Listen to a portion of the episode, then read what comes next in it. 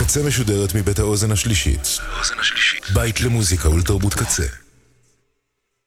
אתם עכשיו על הקצה.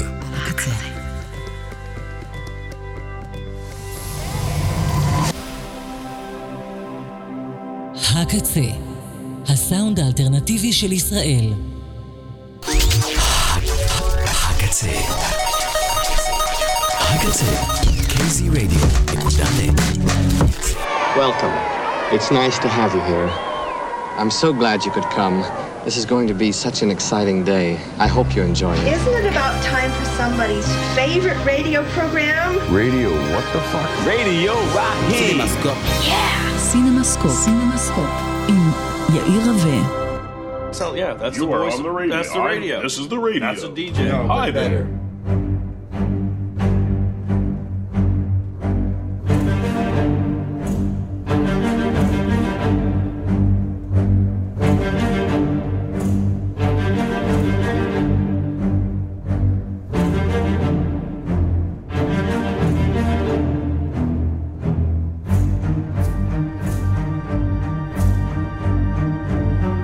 שלום, שלום, שלום לכם.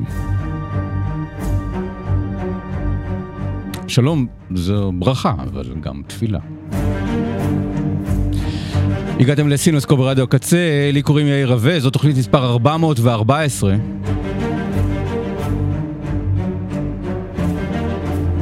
היום 7 בפברואר 2024, כ"ח בשבט תשפ"ד. את סימסקו ברדיו קצה עושים בן אשלי שפיגל, עומר סנש, יובל רוזין. תודה לכל אנשי התוכן שעומדים פה מאחורי הקלעים ומביאים את כל השידורים האלה אליכם באתר, באפליקציות, בפייסבוק. אה, כותבים את הפוסטים, מעלים את התוכניות, מפיצים אותם אה, הלאה. תודה לכל מי שעוסקים במלאכה. תודה לכם שאתם מאזינים, תודה לקוואמי.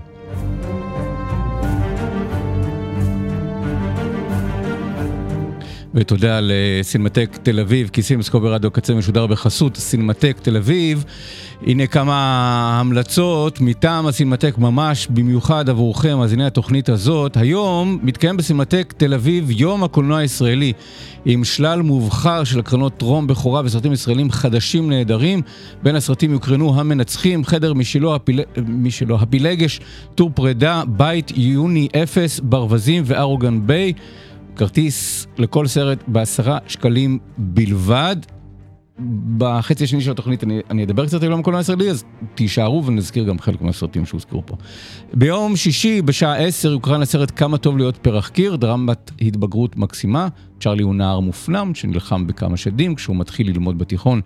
מספר אנשים בסביבתו ינסו לעזור לו לצאת מהקונכייה. אה, אח ואחות מכיתת הבוגרים, נערה שמפלרטט איתו.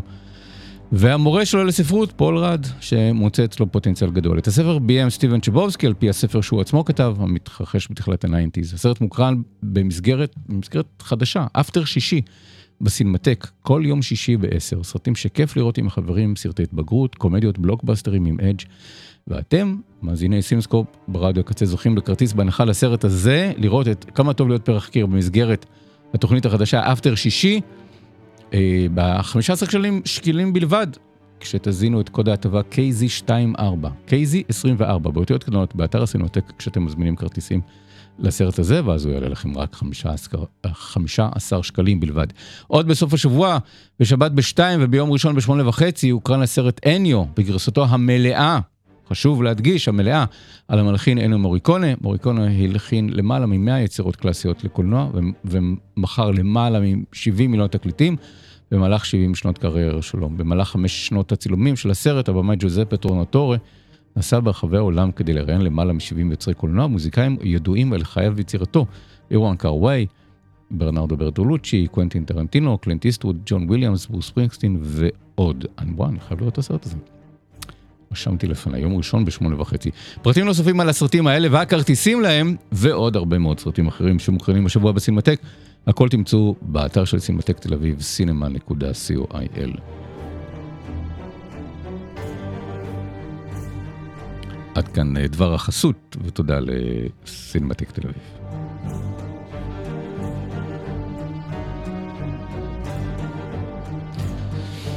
יש לנו תוכנית אה, קדושה ועמוסה, אה, קודם כל עם סרט נהדר חדש שעולה מחר בבתי הקולנוע, נשארים לחג, נדבר עליו, נדבר גם עם הבמאי, והתסר... עם הבמאי שלו. אה, ואחר כך נדבר גם קצת על יום הקולנוע הישראלי. אבל לפני הכל נתחיל עם שיר מתוך הפסקול של נשארים לחג, פסקול 70's, אז זה שיר אמנם לא מה-70's, אבל באווירת 70's, זה אחד השירים הראשונים שאנחנו שומעים בפסקול של נשארים לחג, The Holdovers.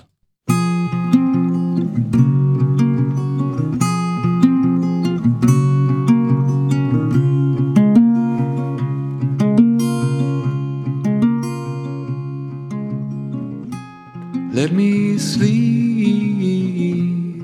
in the slumber of the morning. There's nowhere I need to be, and my dreams are still are calling.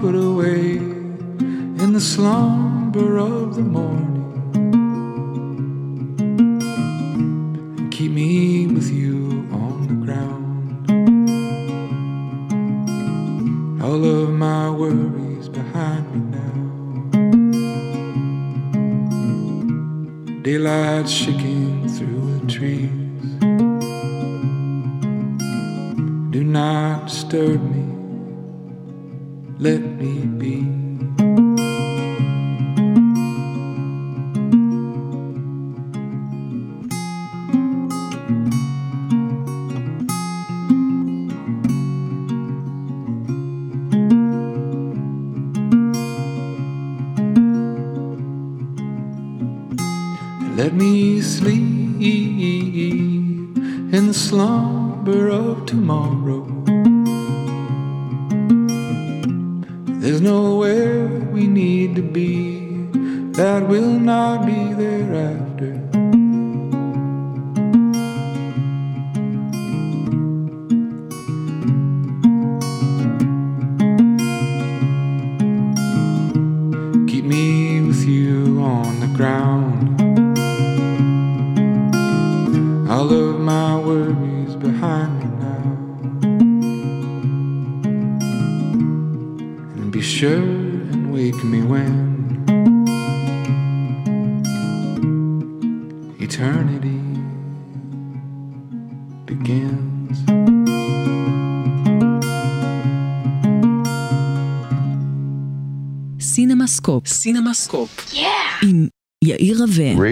what the fuck? אה, זה היה דמיין ג'ורדו, שיר מלפני עשר שנים, אבל בעבירת הסמטיז שמתאימה ל-The Holdovers. נשארים לחג ממחר בבתי הקולנוע. קודם כל, אחד מסרטי השנה שלי, אני חושב שבסיכום השנה אה, שמתי אותו במקום שלישי אה, של 2023, סרט שראיתי לקראת סוף 2023. ו...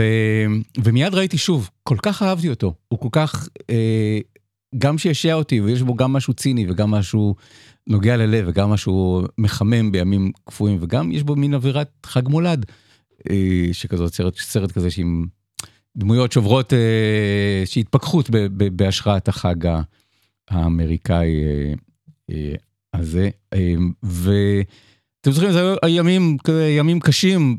אחרי 7 באוקטובר ותחילת המלחמה, עוד היינו כזה בהלם, וכל הזמן חיפשתי מה, מה לראות שיהיה קצת uh, מרגיע, ופשוט הייתי חוזר שוב ושוב לסרט הזה, ונורא נורא נהניתי ממנו ואהבתי אותו, והוא כתוב כל כך יפה. ובעיקר כי זה הסרט החדש של אלכסנדר פיין, אחד היוצרים שאני הכי אוהב ב-25 השנים האחרונות, מאז שראיתי את הסרט שלו, בחירות או לא להיות, אלקשן ב-1999, אבל אז עם השנים הוא הלך והתרכך, כי הסרטים הראשונים שלו היו מאוד מאוד ציניים ומאוד היה בהם משהו מאוד מאוד ארסי, שאהבתי, אבל, אבל אחר כך הוא עשה את אודות שמיט, ואחר כך הוא עשה את דרכים צדדיות, ובעיקר אחר כך ב-2011 הוא עשה את, אה, את היורשים, הסרט עם ג'ורג' קלוני, זה אחד הסרטים שאני הכי אוהב. בעיניי הסרט הכי דו- קרוב למין, לאווירת בילי ויילדר שיש לנו ב, בשלב הזה של החיים שלנו, בדור הזה אה, שלנו. מישהו שכותב בסגנון אמריקאי קלאסי, אבל יש גם איזשהו סוג של מקוריות בדמויות שלו ובמה שקורה להם ובמהלכים שלהם ובאיך שהם מתנהגים.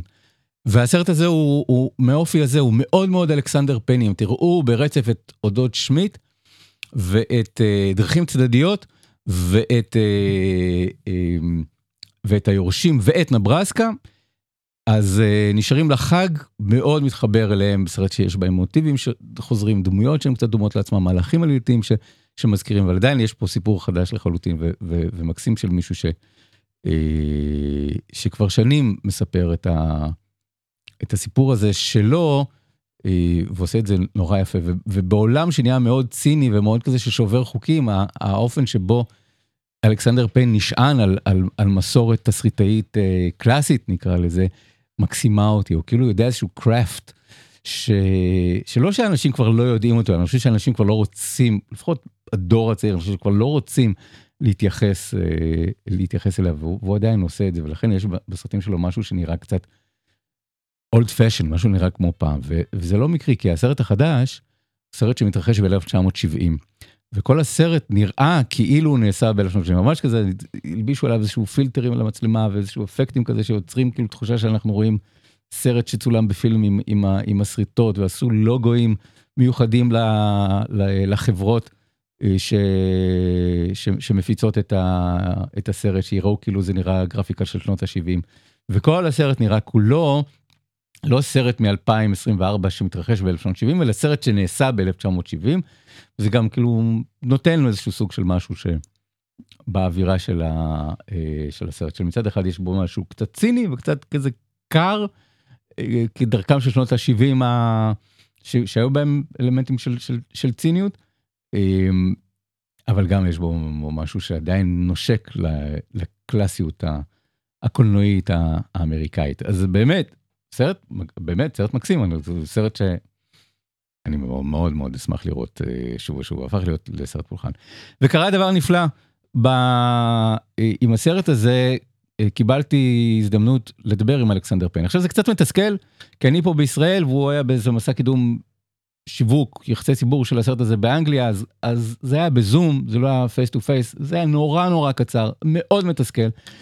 בכל זאת הספקנו לדבר קצת, ובעיקר גרמתי לו להבין שאני מאוד מאוד בקיא בסרטים שלו, ולא רק בסרטים שלו, בתסריטים שלו, וכשאני אומר, וממש כזה, זה רגע שלא מופיע ב, ב, ברעיון, אבל, אבל אני חושב שאלה הרגעים ש, שאני חושב ש, אה, שאני שמח שיוצא לי לדבר עם, עם, עם יוצרים שאני אוהב, אני, אני אוהב את התסריטים שלו.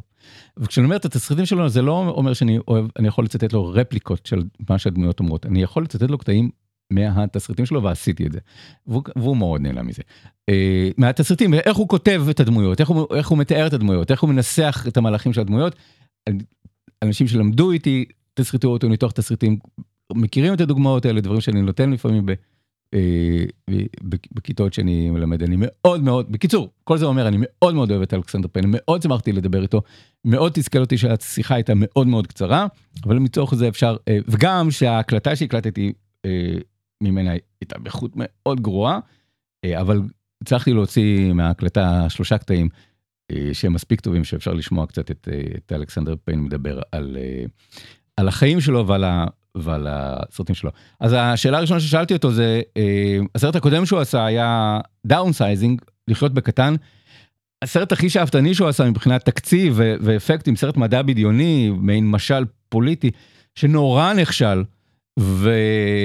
ונראה שאף אחד לא אהב אותו, אני מאוד אהבתי אותו, כאמור, אני אוהב, אני אוהב את אלכסנדר פיין, אני אוהב את הדברים שהוא עושה. אה, אני מאוד אהבתי אותו, אבל איכשהו כנראה גם הכישלון וגם כל מה שקרה, ואז אה, גרמו לו לאיזשהו סוג של אה, הלם או אתנחתה, ובקיצור עברו שבע שנים מאז שהוא עשה את הסרט ההוא, וקצת כאילו הרמתי ידיים, אבל חשבתי שכבר לא יהיה לנו יותר סרט חדש של, של אלכסנדר פיין, לכן מאוד שמחתי כשיש את זה, אז, אז שאלה ראשונה, אולי, אולי זו לא שאלה מאוד עם טקט, אבל לא יכולתי לשאול אותו למ- מה, מה הוא עשה בשבע השנים האלה אה, מאז? לחיות בקטן, הסרט הוא עם דיימון, ועד שסוף סוף הוא אה, חזר אלינו עם, אה, עם, אה, עם נשארים אה, לחג. אז, אז אה, רגע, בואו נראה שאני אצליח להפעיל את ההקלטה הזאת, אז אה, הנה אלכסנדר פין. Why did it take so long be- between downsizing and, and the holdovers? Um, What? Are you trying to torture me? no, I'm. I, I, are you trying to torture me? Because I, I was regular used to having a new movie of yours every Yeah. three, four years. Yeah, you know, I got married, I had a kid, we got divorced, the pandemic. I I was 5 days away from starting a new movie in 2019 and we canceled the movie 5 days before production. That was a very that stung very much, but you know, a life experience. And um anyway, here I am now. Yeah. All I can say is that one of the horrifying things about life in this on this planet is how quickly life uh, how quickly time goes Yeah. That's you true. know when you think oh i'm going to make another movie and you look up and like two years have gone by "Eh, another two years have gone by fuck you know what's going on here אלכסנדר פן מסביר אה, אה, לאן הוא נעלם בשבע שנים האחרונות זה תמיד שאלה מצחיקה כאילו כי הוא לא נעלם הוא חי את החיים שלו אבל אבל הוא ירד מחוץ לרדאר של. אה, אה, של ה... של הנוכחות התקשורתית שלו אה, אה, בחיים שלו. הסרט שהוא מדבר עליו ב-2019 אני לא יודע בדיוק על איזה סרט הוא, מדבר ש, שבוטל רגע לפני הצילומים אבל היו שני סרטים ב-2019 שהוא היה אמור לביים. אה, אחד The Menu התפריט שאחר כך הפך להיות סרט שאתם יכולים לראות עכשיו דיסני פלוס עם, עם רייף, רייף פיינס ואניה טיילר ג'וי על שביים מרק מיילוד הבמאי של Succession של, של היורשים. ו... והסרט השני שהוא היה מחובר אליו The Burial הקבורה סרט שעכשיו נהיה אפשר לראות. באמזון אמזון פריים וידאו אה, שלא הוא ביים ביים אה, מישהי אחרת אבל זה גם סרט שהוא היה מחובר אליו. והיה אמור לביים. ואיכשהו בוטל. באותה. אה, באותה תקופה וזה גרם לי עכשיו את The Menu לא כל כך אהבתי אבל עכשיו לא ראיתי את The Burial זה, זה גרם לי ללכת לראות האם האם יש איזשהו סוג של האם מה שצולם זה שכתוב אה, אחד השכתובים של אלכסנדר פן לא יודע אין לו קרדיט בסרט בכל אופן.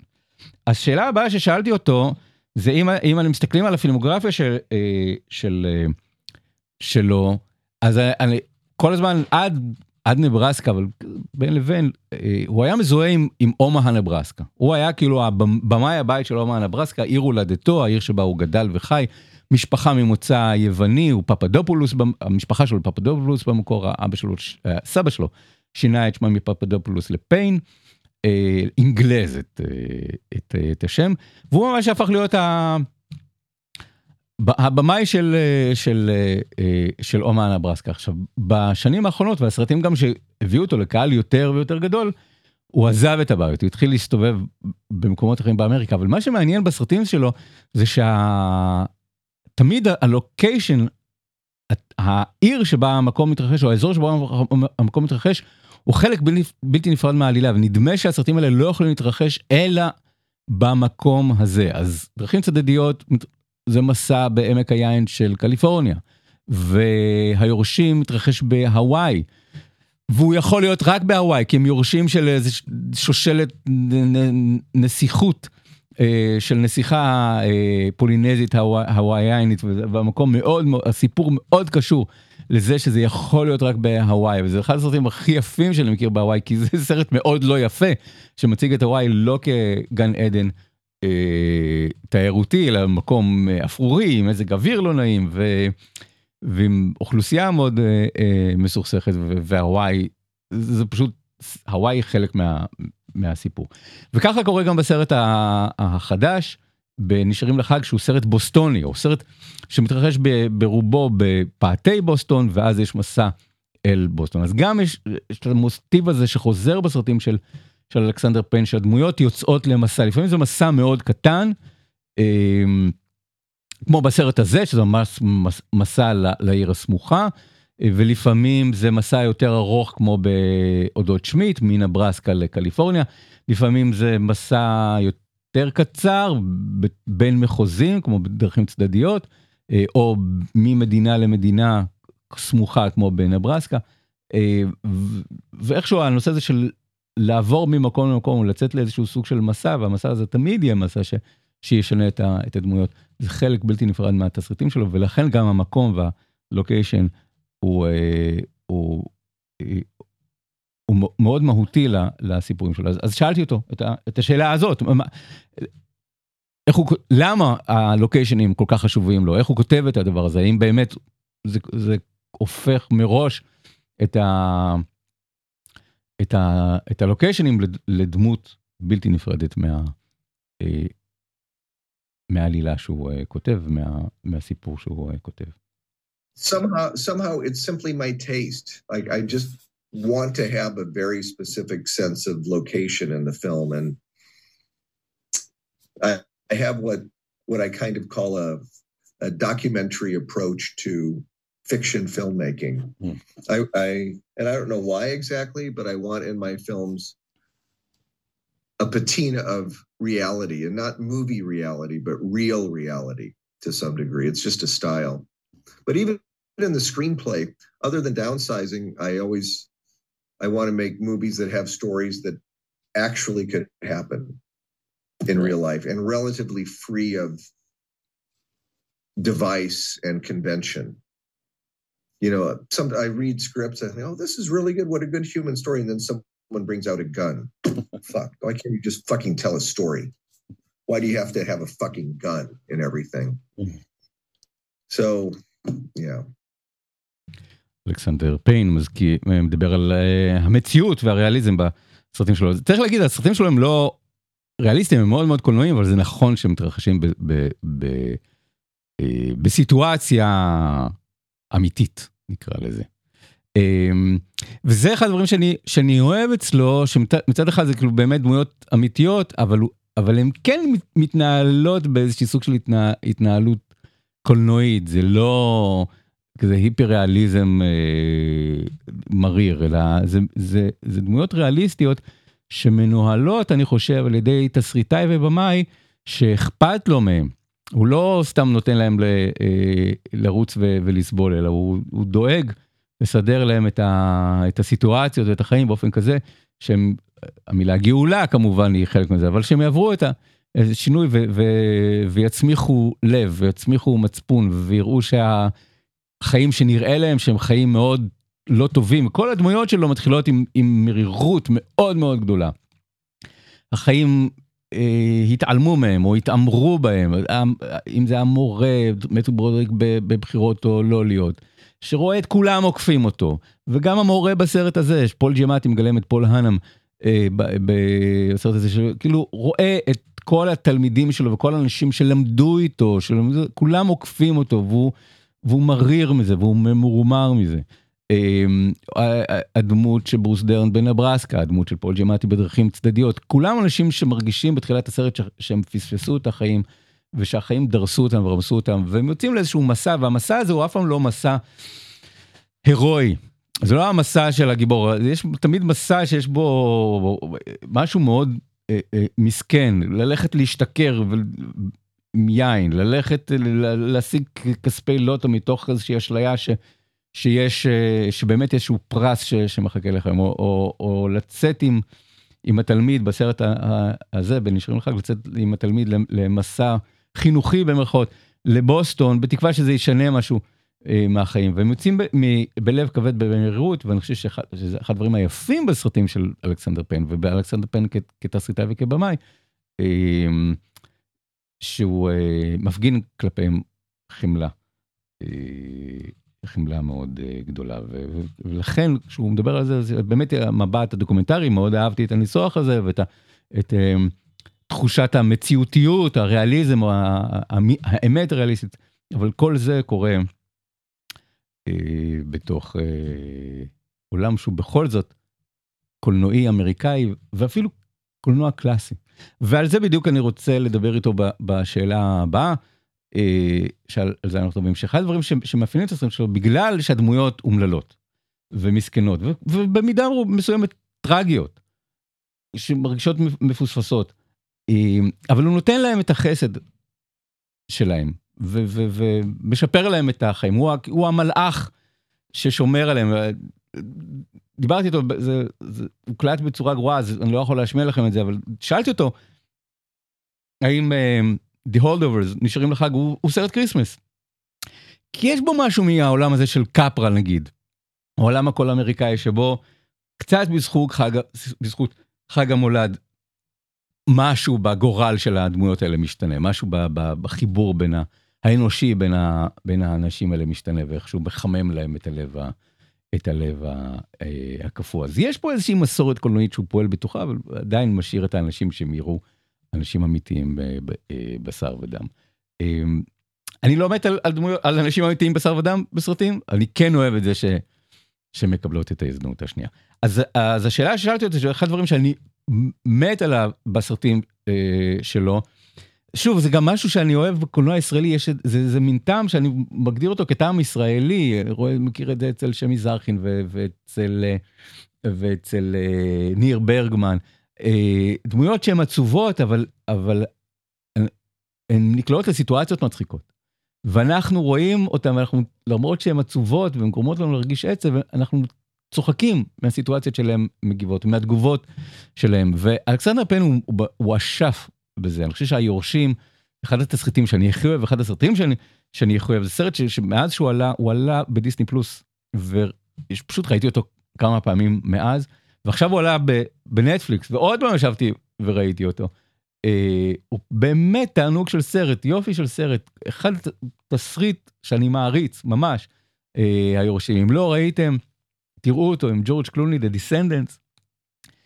וזה מאפיין את כל הסרטים שלו, שאנחנו, כאילו הדמויות עצובות, אבל איכשהו אנחנו צוחקים איתם, הסרטים שלו הם קומדיות, בסופו של דבר, אנחנו צוחקים עם הדמויות, אבל זה צחוק שכאילו ככה קצת חונק לנו את הגרון, כי אנחנו צוחקים מתוך, מתוך אה, עצב. וזו שאלה ש, ש, שמסכנת אותי, אם זה משהו ש... שהוא יודע לכתוב אותו, הוא יודע לביים אותו, הוא יודע להדריך את השחקנים, כלומר, מאיפה, איך יוצרים את הנוסחה הזאת? אם אני רוצה ללמד את הנוסחה הזאת של לכתוב משהו עצוב ומשהו, אה, ומשהו מצחיק ביחד, איך אני עושה את זה? מה, מה המתכון לדבר הזה? אז הוא עונה לי קצת תשובה מתסכלת, הוא אומר, ככה זה יוצא לי. אני נאלץ ל... להאמין לו.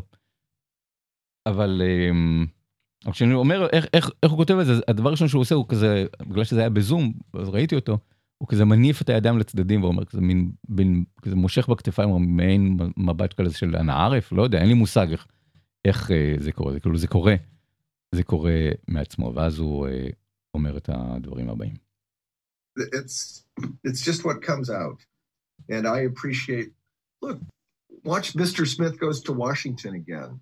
Watch Frank Capra for movies that make you laugh and cry. Watch Leo McCarey movies. Watch Chaplin again. Oh my God, City Lights. You laugh hysterically. And then by the end, for the rest of your life, you think of that ending with that blind girl who now can see and you cry. So I think that that I mean, thank you for the question, and it's flattering, and I'm glad I'm able to do that. But um, uh, I'm not the first, and uh, I, I I sit at the feet of masters of being able to do that, make you laugh and make you cry within the same movie. I'm just glad that I'm able to make a film that makes people feel anything. We see so many movies where we're like, "Oh, what a good movie." Oh, I observed that that is an admirable movie with wonderful filmmaking in it. But do you feel anything? You know, do you are there some good jokes? and yeah. you know do you have pity and, and cry the the place where i'd really like to go next if not next but soon is um and again i'm talking to you like you're a screenwriting colleague because you because you teach screenwriting but i, I want to make a tragedy and and by that one you know i think the the sense the greek sense of catharsis through tragedy is kind of lost and probably contributes to why we love The Godfather so much because that's such a great tragedy. You know, the very steps he takes to preserve the family are the very steps destroy the family. And, uh, and he's left bereft and alone at the end of part two. And I don't know. I want to get there as well. So no jokes there. Oh, you can still have jokes, but just how it ends, you know, just what what what the what the ill-starred path is Now, I'm, A theoretical- right now, I'm just I'm still, yeah, no, right now I'm just working on promoting this film. Still, you know, Okay. right now it's the the Europe release and all that. I'll get back to writing in a few weeks, but Hemmingson, the writer of this one, he and I are conceiving a western right now. Oh. And, and hopefully, maybe we can wring a, a tragedy out of it. We'll אז הוא רוצה לכתוב טרגדיה, האמת היא שאחר כך שתמללתי את, ה, את השיחה הזאת, אתם יכולים לקרוא את, ה, את השיחה המלאה אה, אה, היום בכלכליסט. אה, ו... וגם אצלי בבלוג, אני חושב שאולי יש עוד, עוד כמה דברים שנשארו בחוץ ואני אעלה אותם גם לבלוג. אה, אני לא מאמין לו שהוא באמת אה, יעשה טרגדיה. אה, אלא אם כן משהו כזה נורא קרה לו בחיים. אני חושב שאם מסתכלים על הסרטים שלו, כל אחד מהם הוא טרגדיה בפוטנציה. אם, שוב, אנחנו, הוא מדבר על טרגדיה במובן היווני של, ה, של המילה, עם הקתרזיס הזה, והוא מדבר על, על הסוף של הסנדק, הסנדק 2 כ, כטרגדיה. אז זה לא הטרגדיה שאנחנו מדברים על זה, של הדמות מתה בסוף, אלא הדמות מאבדת את כל מה שיש לה, או לא מגשימה את החלום ש... אה, שהיה לה. וכל הסרטים שלו הם, הם טרגדיות בפוטנציה, אם הם רק היו נגמ- נגמרים עשר דקות קודם. אבל אני חושב שמה שמאפיין את אלכסנדר פן זה שיש לו כזה לב, שוב, הוא לא עושה רושם של אדם עם לב, הוא נראה אדם קצת, אה, אה, קצת ציניקן, אבל, אה, אבל בסרטים שלו יש לו, יש לו לב, הוא כנראה מרגיש לא, לא, אין לו סיפוק אם הוא לא נותן לדמויות עוד מהלך לילתי אחד שאיכשהו יביא אותם כן לאיזשהו סוג של סגירת מעגל, או איזשהו סוג של אפשרות לצאת מהסיטואציה הטראגית שבתוכה הם נמצאים. לכן, הייתה לי אה, מין מחשבה שכאילו שהוא כותב כל הזמן טרגדיות, רק שהוא לא מסכים לסיים אותם ככאלה, אלא ונותן להם את החסד הנוסף. כלומר, כי יש משהו נטול חסד בטרגדיה, זה כאילו ה... להציג את העולם כעולם של דינים ולא עולם של, של חסדים, ונדמה לי שאלכסנדר פיין אה, אה, נמשך בסרטים שלו דווקא למקום שיש בו קצת יותר אה, אה, חסד ותקווה ואיזשהו סוג של אה, ניסיון להגיע לגאולה. מי שכתב את התסריט לסרט הזה הוא דויד המינגסון, הוא הזכיר אותו כרגע, ב, זה, הקרדיט של אלכסנדר פיין לא מופיע שם, שזה הבהיל אותי כשראיתי את זה מראש, האם אלכסנדר פיין נהיה במאי להזכיר? אה, והוא מביים תסריטים אחרים, אחד הדברים שאני חייב בסרטים שלו זה את התסריטים. אז הוא אומר שלא, זה פרויקט שהוא יזם, והוא זה שפנה ל- להמיקסון, הוא רצה לעשות, אה, הוא כבר מזמן רצה לעשות סרט שמתרחש בעולם הזה של פנימיות, הוא בעצמו למד בפנימייה קתולית באומן נברסקה, למרות שהוא עצמו לא קתולי, אה, פנימייה לבנים. אה, דויד המינגסון למד בבית ספר ב- לבנים בבוסטון, שבהשראתו הוא כתב את ה... את הסרט הזה, אה, זה בית ספר שהוא אה, פנימייה לבנים, אבל דויד המיקסון בעצמו לא היה בפנימייה, אבל הוא הכיר את העולם הזה, והוא כתב, ככה מספר, אה, מספר לי אלכסנדר פיין בחלקים של, לא יכול, שההקלטה לא מספיק טובה שאני אוכל להשמיע לכם, את זה הוא מספר שהמיקסון, שהוא תסריטאי של סדרות טלוויזיה, כתב פיילוט לטלוויזיה על משהו שמתרחש בפנימייה לבנים, ואלכסנדר פן קרא את זה והתקשר אליו, והוא אמר שכבר מזמן רצה לעשות משהו שקשור לפנימ, בפנימייה של בנים, לבנים בלבד, עם, הפרופס, עם המרצה וה, והתלמידים, אמ, אבל הוא אה,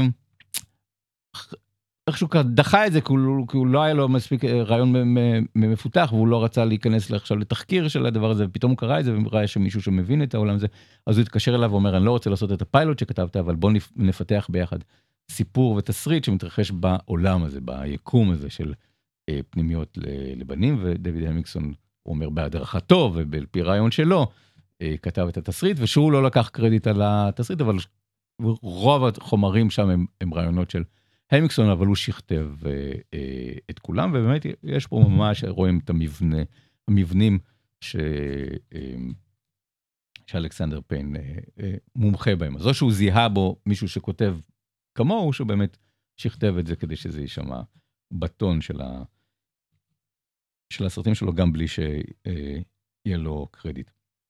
ו... ובאמת יש בסרטים של, בכל הסרטים של אלכסנדר פיין איזושהי תחושה של משהו מה-70's, הסרט הזה באמת מתרחש ב-1970, ולכן הוא, הוא קצת מזכיר למי, למישהו קצת סינפיל, ואני חושב שאולי לשם הוא חתר, זה אה, אה, סרטים של הל אשבי משנות ה-70, או פיטר בוגדנוביץ', אה, אנשים ש, שעשו דרמות, או רוברט בנטון, אנשים שיצרו דרמות אנושיות קטנות, שיש בהם קצת הומור וקצת, וקצת אה, אה, עצב. ושוב, זה מסוג הדברים שכל הזמן אומרים, הוליווד לא עושה יותר סרטים כאלה, היא לא מתעניינת יותר בדרמות אנושיות על, על בני אדם. ו... והנה מגיע סרט אה, אה, כזה ב... במימון Focus Features, אה, שזה אולפני אוניברסל, ו... והוא מועמד לחמישה אוסקרים, הוא מועמד לפרס הסרט הטוב ביותר.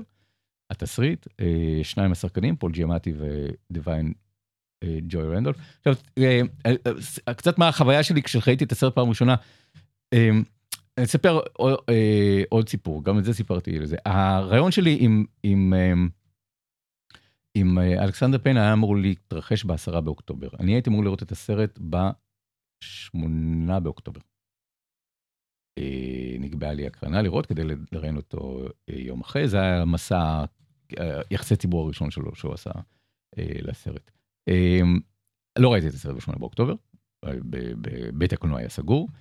פרצה מלחמה, היה טבח נוראי, כולנו היינו בהלם, והרעיון כמובן בוטל. והסרט, לימים כשראיתי אותו אה, אה, יותר מאוחר, באמת הפך לאחד הדברים שמאוד ניחמו אותי בתקופה הזאת שהייתה אה, מלאה צער ואבל וכאב והלם. והסרט הזה היה באמת איזשהו סוג של שמיכת ביטחון שנצמדתי אליו, שהוא הצחיק אותי וריגש אותי ושימח אותי, והיה בו גם משהו מריר וגם משהו ציני וגם אבל משהו אה, אה, מחמם. אה, ואז גם את זה סיפרתי לו אה, בשלב הסמולטוק לפני שהתחיל הרעיון, אה, אה, הרעיון עצמו. אבל אה, אז, אז כן, אז זה מעין תחושת אה, סרט משנות ה-70, וכשאני רואה את הסרט, אז, אז את פול ג'מאטי אני, אני מכיר, הוא, הוא הפך להיות, אני חושב שהוא נהיה פול ג'מאטי בזכות דרכים צדדיות של, של אלכסנדר פיין, הכרנו אותו לפני זה, אבל זה כאילו הסרט שגרם לו להיות כוכב, כלומר שחקן בתפקיד ראשי ולא רק שחקן משנה. ו, אה, ופתאום זה סרט שמתחיל עם, עם מורה, שאף אחד לא אוהב, כולם שונאים אותו, הוא גם פוזל או שיש לו עין עצלה, לא יודע בדיוק מה הסינדרום שיש לו עם, ה, עם העין, אז הוא גם נראה מגוחך וגם הוא כאילו מצליח לעצבן את כולם אה, ולהכעיס את כולם. ואת, גם את התלמידים וגם את המורים וגם את ההנהלה ולכן הוא כזה מין מקבל זה לא עונש כמו שכאילו מפילים עליו תיק כי אף אחד לא אוהב אותו לקב, להישאר בחג המולד בבית הספר ולהיות הבייביסיטר של התלמידים שאין להם אין, אין להם לאן ללכת. אין להם משפחות לחזור אליהם, או שהמשפחות שלהם לא נמצאות בארץ או משהו כזה, והם צריכים להישאר בבית הספר, וצריך שיהיה מורה איתם. ו- וככה הוא מתחיל את הסרט, ואז מצטרפים אליו קבוצה של תלמידים, ואז מקבוצת התלמידים אנחנו, זה מצטמצם לתלמיד אחד, ו- ויש דמות, דמות משנה שנמצאת כזה ברקע, והולכת ומתגבשת פנימה בתוך אחת משלושת, משלוש הדמויות הראשיות, אה, מרי הטבחית של המקום. ומגלמת אותה דיוויין ג'וי רנדולף. לא הכרתי אותה, אבל מהר מאוד בסרט יש לה סצנה, וזה כאילו באמת הרגעים שאלכסנדר פיין מעולה בהם, סצנה שהיא אם שכולה, הבן שלה אה, אה, נפל בווייטנאם, שוב, 1970, אה, והיא עדיין מתאבלת, מתאבלת עליו, ואיכשהו האבל שלה והאופן שבה יכולה גם לייצר הומור מתוך, מתוך העצב שלה, אה, רגע מאוד מוקדם שבה הדמות הזאת גורמת גם להשתנק וגם לצחוק. ואני רואה את השחקנית הזאת שלא הכרתי אותה קודם ואמרתי וואו היא הולכת לזכות באוסקר. על, היה שם סצנה אחת ואמרתי זו סצנה ש, של אוסקר. שאני לא יודע אם תזכר באוסקר אבל, אבל כשהיא, כשהיא אה, נהייתה מועמדת לאוסקר אמרתי וואו אני כל כך שמח יש את הרגעים האלה שאתה מרגיש שכולם ראו את מה שאתה ראית באותו אה, באותו רגע אז, אז שימו לב אליי כאילו התגלית של, של הסרט הזה דיוויין ג'וי רנדולף אה, שמגלמת את, ה, את הטבחית. קוראים לה מרי למב. אז כשרואים את, היל, את הילד שלה, את, את הבן שלה בתור חייל, בתמונה שלו בכנסייה, שיש כזה אזכרה אה, לזכר הנופלים בווייטנאם, והוא מוזכר שם כאחד מתלמידי בית הספר, הוא התלמיד השחור היחידי בבית הספר. והיחידי גם שנשלח לווייטנאם ונהרג, יש פה המון דיבורים על הנושא של, של מעמדות ו, ו, ופריבילגיות. אז ברור שאף אחד מתלמידי בית הספר הלבנים והעשירים, אף אחד מהם לא ייסע לווייטנאם, הם המשיכו כולם להרווארד. ובתור סטודנטים הם לא ילכו לזה, אבל הוא בתור אה, הבן של הטבחית, אמנם קיבל חינוך טוב בבית הספר שבו היא עובדת, אבל לא יכול היה להמשיך הלאה להרווארד או, או לייל, ונשלח לווייטנאם ונהרג שם. אז ההרוג היחידי בווייטנאם מכל בית הספר הזה הוא הבן של הטבחית השחור. אה, ואז יש את השם שלו למב, שא, כן, כבשה מתחת לזה. ויש פה את העניין הזה של כן, הקרבת השא לעולה, וכשקוראים לאימא מרי למב, זה שם מאוד מאוד טעון במשמעות. מצד אחד זה שם מצחיק, כי מרי למב זה קצת שם של שיר ילדים, כן, מרי had a little lamb. מצד שני, מרי, אה, האימא של ישו, למב, השא, ישו עצמו, הסל העולה, אה, ש, ש, שמוקרב. אז שאלתי גם את, אה, את אלכסנדר פיין על, על השמות, והוא מודה שזה אומר, זה דויד המיקסון הביא את השמות האלה, הוא אהב את, את זה שרואים את התמונה של, של, ה, של החייל המת, כתוב מתחת למב, זה נראה לו אירוניה רלוונטית. אה, אבל כל השאר אמר, הוא זרם עם דויד אלמקסון ומתם שלו, שבאמת יש שם איזושהי סימבוליקה אה, מאוד נוצרית, בסרט ש... שיש פה משהו כריסמסי, באמת יש בו אה, לא מעט מוטיבים שקשורים לחג המולד ול... ולישו ול... ול... ולקורבנות ולמרטיריות וכן הלאה. הילד עצמו נקרא אנגוס, שזה סוג של פר או שור לאכילה. ואז הוא הפנה את תשומת ליבי, אלכסנדר, פיין שהדמות שלה למורה קוראים פול האנם, האנהם. כלומר, שיש, הוא אומר, יש לדיוויד המינגסון כנראה איזשהו מוטיב בשר שחוזר ב, אצל, כל ה, אצל כל הדמויות. בקיצור, אה, נהניתי מהדקות הספורות שיהיו לנו לדבר עם אלכסנדר פיין, אני מאוד מאוד אוהב את הסרטים שלו ואני ממש ממליץ לכם בחום לראות את, אה, את נשארים לחג, את The Holdovers. ממחר ב, בבתי הקולנוע. אה, הנה עוד אה, שיר אה, מתוכו, לבי ספרי, אנחנו מכירים את לבי ספרי מ"את מס בילה" והגרסה המקורית. אבל אה, הנה שיר אחר שלא הכרתי, והוא פשוט מאוד אה, מאוד יפה, ואיכשהו, איכשהו מתאים ל...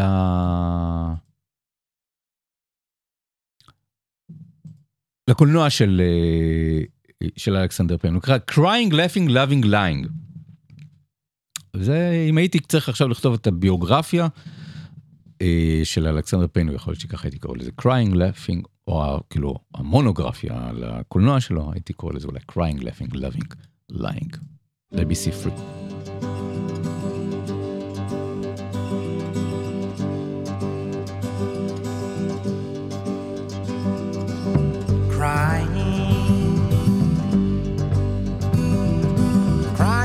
never did nobody no good, no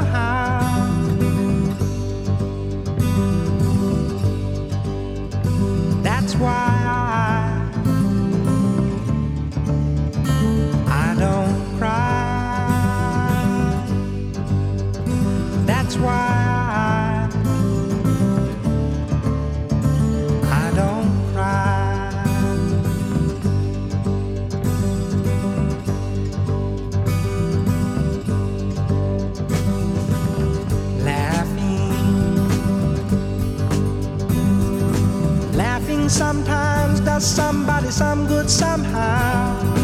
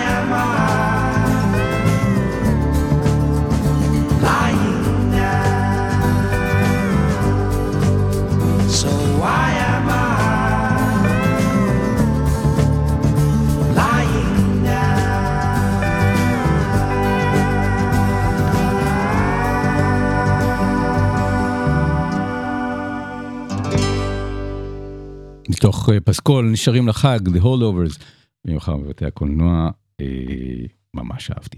אה, היום, אם אתם שומעים את זה מוקדם, אז יום הקולנוע הישראלי מתרחש ברגעים אלה, ממש, עשרה שקלים יעלה לכם כרטיס.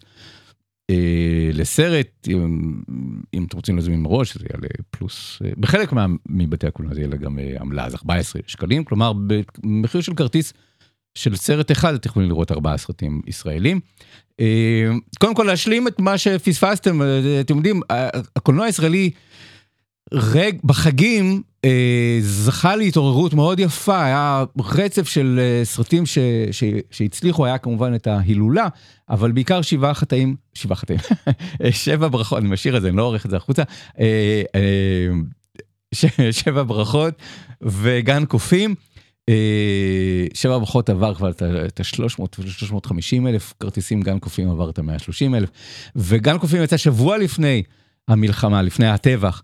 אה, בשמחת תורה, יצא ממש ערב, אה, ערב סוכות, ו...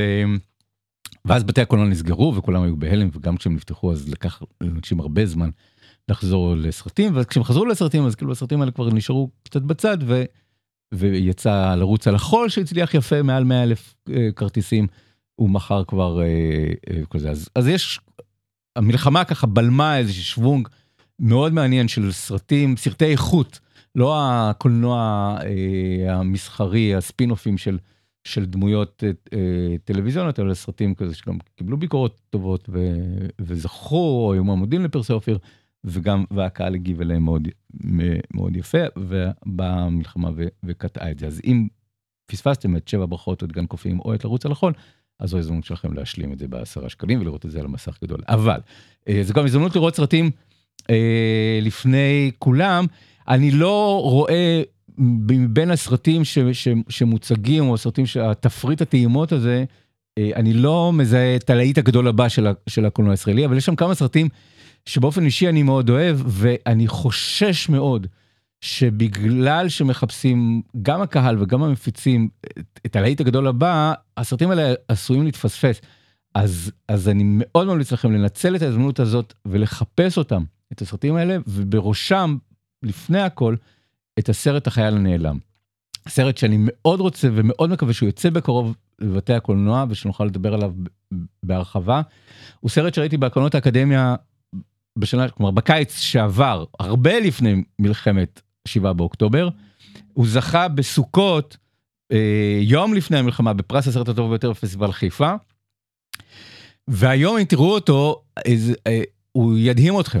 הוא ייראה כאילו זה סרט שנעשה בשמונה ב, ב, באוקטובר, אבל הוא צולם שנה, אה, שנה קודם לכן. והבמאי הוא דני רוזנברג שעשה את אה, מותו של הקולנוע ושל אבא שלי גם. ופה עושה ממש סרט אקשן זה כאילו דרמת מלחמה או סרט כזה אבל זה ממש סרט אקשן על חייל שנמצא בעזה באמצע המלחמה ומשהו שם כזה נשבר בתוכו ולוקה באיזשהי סוג של טראומה מחשיפה ל- ל- לקרבות והוא מחליט לברוח משם, והוא קם ובורח. עידו טאקו, לא הכרתי אותו, שחקן פשוט נפלא, כי הוא, הוא כמו תום קרוז, הוא נורא נורא פיזי. הוא רץ ורץ ורץ ורץ על האופניים, ואז הוא שוחה, ואז הוא פשוט רץ, רוצה, רץ, רוצה הביתה, רץ מעזה לתל אביב, תל אביב, של, זה בעיצומה של מלחמה, תל אביב תחת התקפת טילים, אה, התקפות טילים, ו, ובגלל שהוא נעלם, החייל הזה, מה, מהלחימה, המפקדים שלו והמשפחה שלו בטוחים שהוא נחטף על ידי החמאס, ולא יודעים לאן הוא נעלם. אז זה סרט שהוא קם עכשיו, אני מבין איך אה, בחודש, חודשיים הראשונים של, של המלחמה, הסרט הזה הוא קצת יותר מדי אולי טריגרי, אבל אנחנו כבר כמה חודשים אחרי, ואנחנו עוברים כל מיני תהליכים נפשיים ורגשיים מול המלחמה, מול מה שקורה שם. ואיכשהו הסרט הזה, אני מרגיש שהוא קפסולה של רגש ושל אנרגיה ושל uh, גם אדרנלין, אבל גם איזשהו סוג של לאבד את הדבר הזה. ונדמה לי, נדמה לי, שוב, אני לא יודע, לכן אני אומר, תלכו לראות את הסרט הזה היום. היום, ואם אתם מרגישים כמוני, תכתבו על זה, כי אני חושב שהמפיצים שלו מפחדים ממנו. מפחדים להוציא את הסרט הזה. נזכרתי שבופור של, של סידר, שמתרחש במלחמת לבנון, או בלבנון הסוף הנוכחות של צה"ל בלבנון, אה, יצא חצי שנה אחרי מלחמת לבנון השנייה, והפך להצלחה מאוד גדולה בקרב חיילים. אז אני חושב שגם אה, הסרט הזה, החייל הנעלם, אם הוא יצא עכשיו, אה, דווקא קהל צעיר, דווקא חיילים, דווקא מילואימניקים, אה, אני חושב שהם יתחברו אליו, כי הוא, הוא איכשהו מצליח לאחוז את, ה, את האימה הזאת של המלחמה, ואת הרצון הזה להיות בבית אה, עם האהובה ועם החברה ועם אוכל מנחם ועם סבתא, ו... ועם הכאוס הזה ועם האלימות שאנחנו סוחבים איתנו כשאנחנו יוצאים ממלחמה, גם כאזרחים אה, וגם כחיילים שיוצאים משם. שנגררת אלינו לתוך, ה... לתוך האזרחות. אה, אני חושב שהסרט הזה הוא קודם כל קולנועית הוא מצוין ו... ואיכשהו באיזשהו פלא מצמרר של תזמון הוא כל כך מתאים לרגע הזה וחפשו אותו כי באמת אני חושב שהמפיצים שלו מפחדים ממנו והוא מוחבא קצת ב, ב, ביום הקולנוע הזה אז אז אם אתם שומעים את זה. דווקא אני חושב שהוא דווקא מוקרן בערב, בערבים ולא בהצגות יומיות חפשו אותו תלכו לראות החייל הנעלם קודם כל סרט קולנוע מסחרר אה, מלא מלא באנרגיה ממש כמו סרט אקשן. אה, אבל איכשהו אה, יש בו משהו ש, שעובד חזק על, על, ה, על ההווה.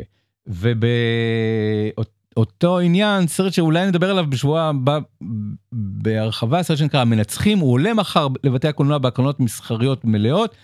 היום תוכלו לראות אותו לפני כולם בעשרה שקלים. סרט שאני, שגם גם כאן אני חושב ש, אה, שהמלחמה, אה, תעשה לו חסד, כי זה סרט שלא לגמרי התחברתי והבנתי אותו כשראיתי אותו בקיץ. סרט שמתרחש אחרי מלחמת ששת הימים, העלילה שלו היא 67-68 אחרי מלחמת ששת הימים, והוא מיוזיקל. מיוזיקל שצולם באוקראינה, ומתרחש בקיבוץ, נדמה לי אה, נצר סירני, או איפשהו הקיבוצים שבאזור הזה של אה, רחובות גדרה.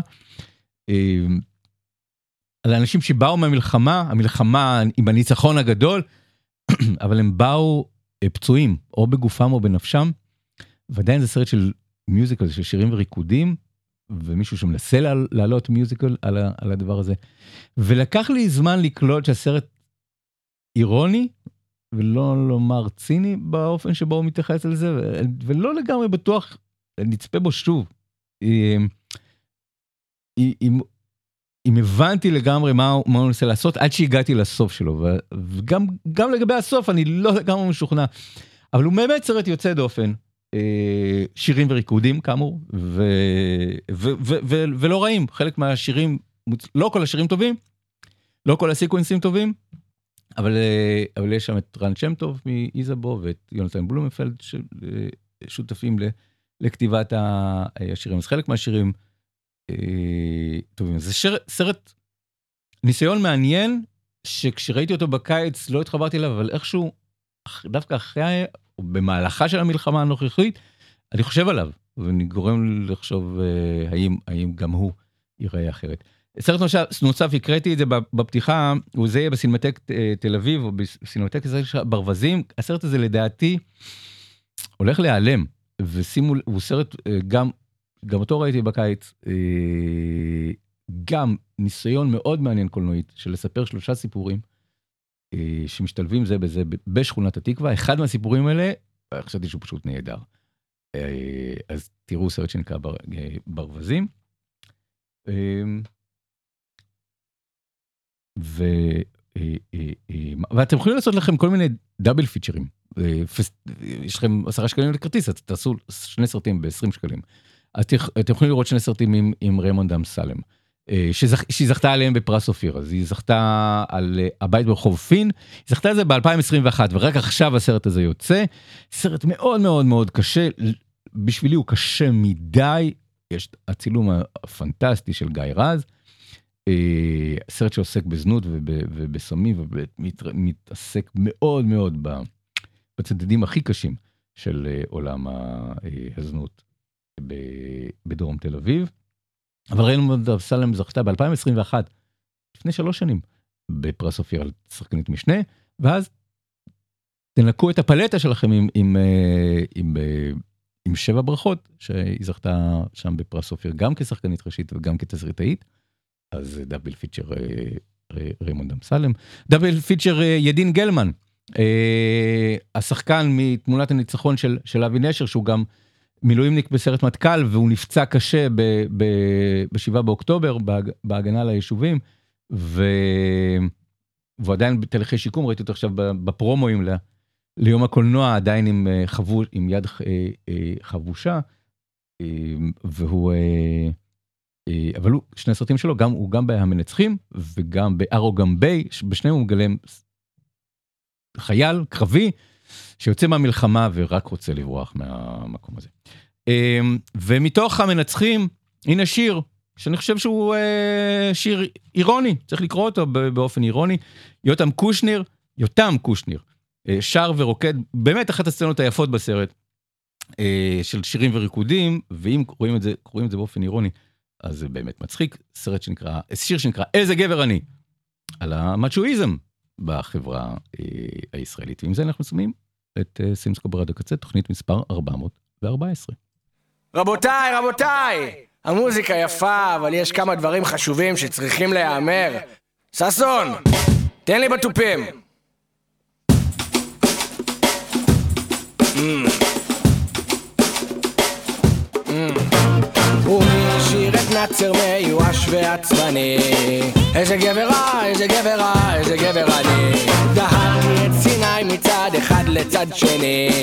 איזה גבר רע, איזה גבר רע, איזה גבר אני ירושלים, הגדה, סיני וגם הרצועה גם הר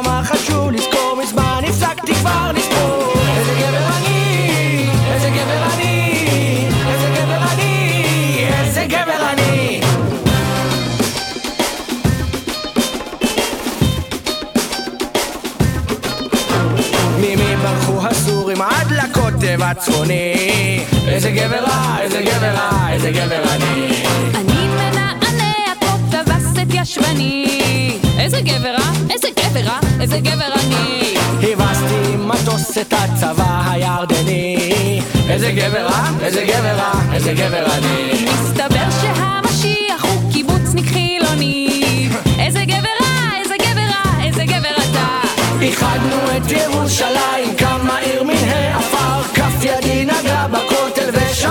קול שופר. איזה גבר אני, איזה גבר אני, איזה גבר אני, איזה גבר אני.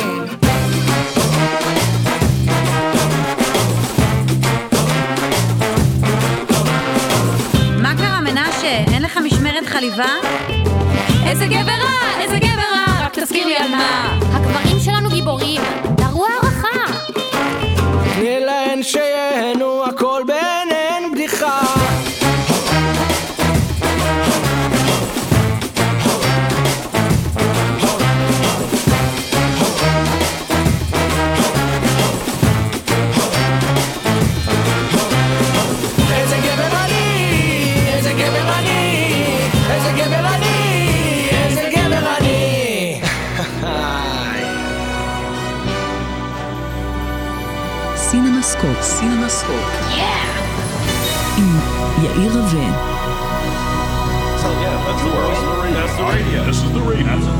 Hi, man. It's a radio for speaking to God. A radio signal from another world.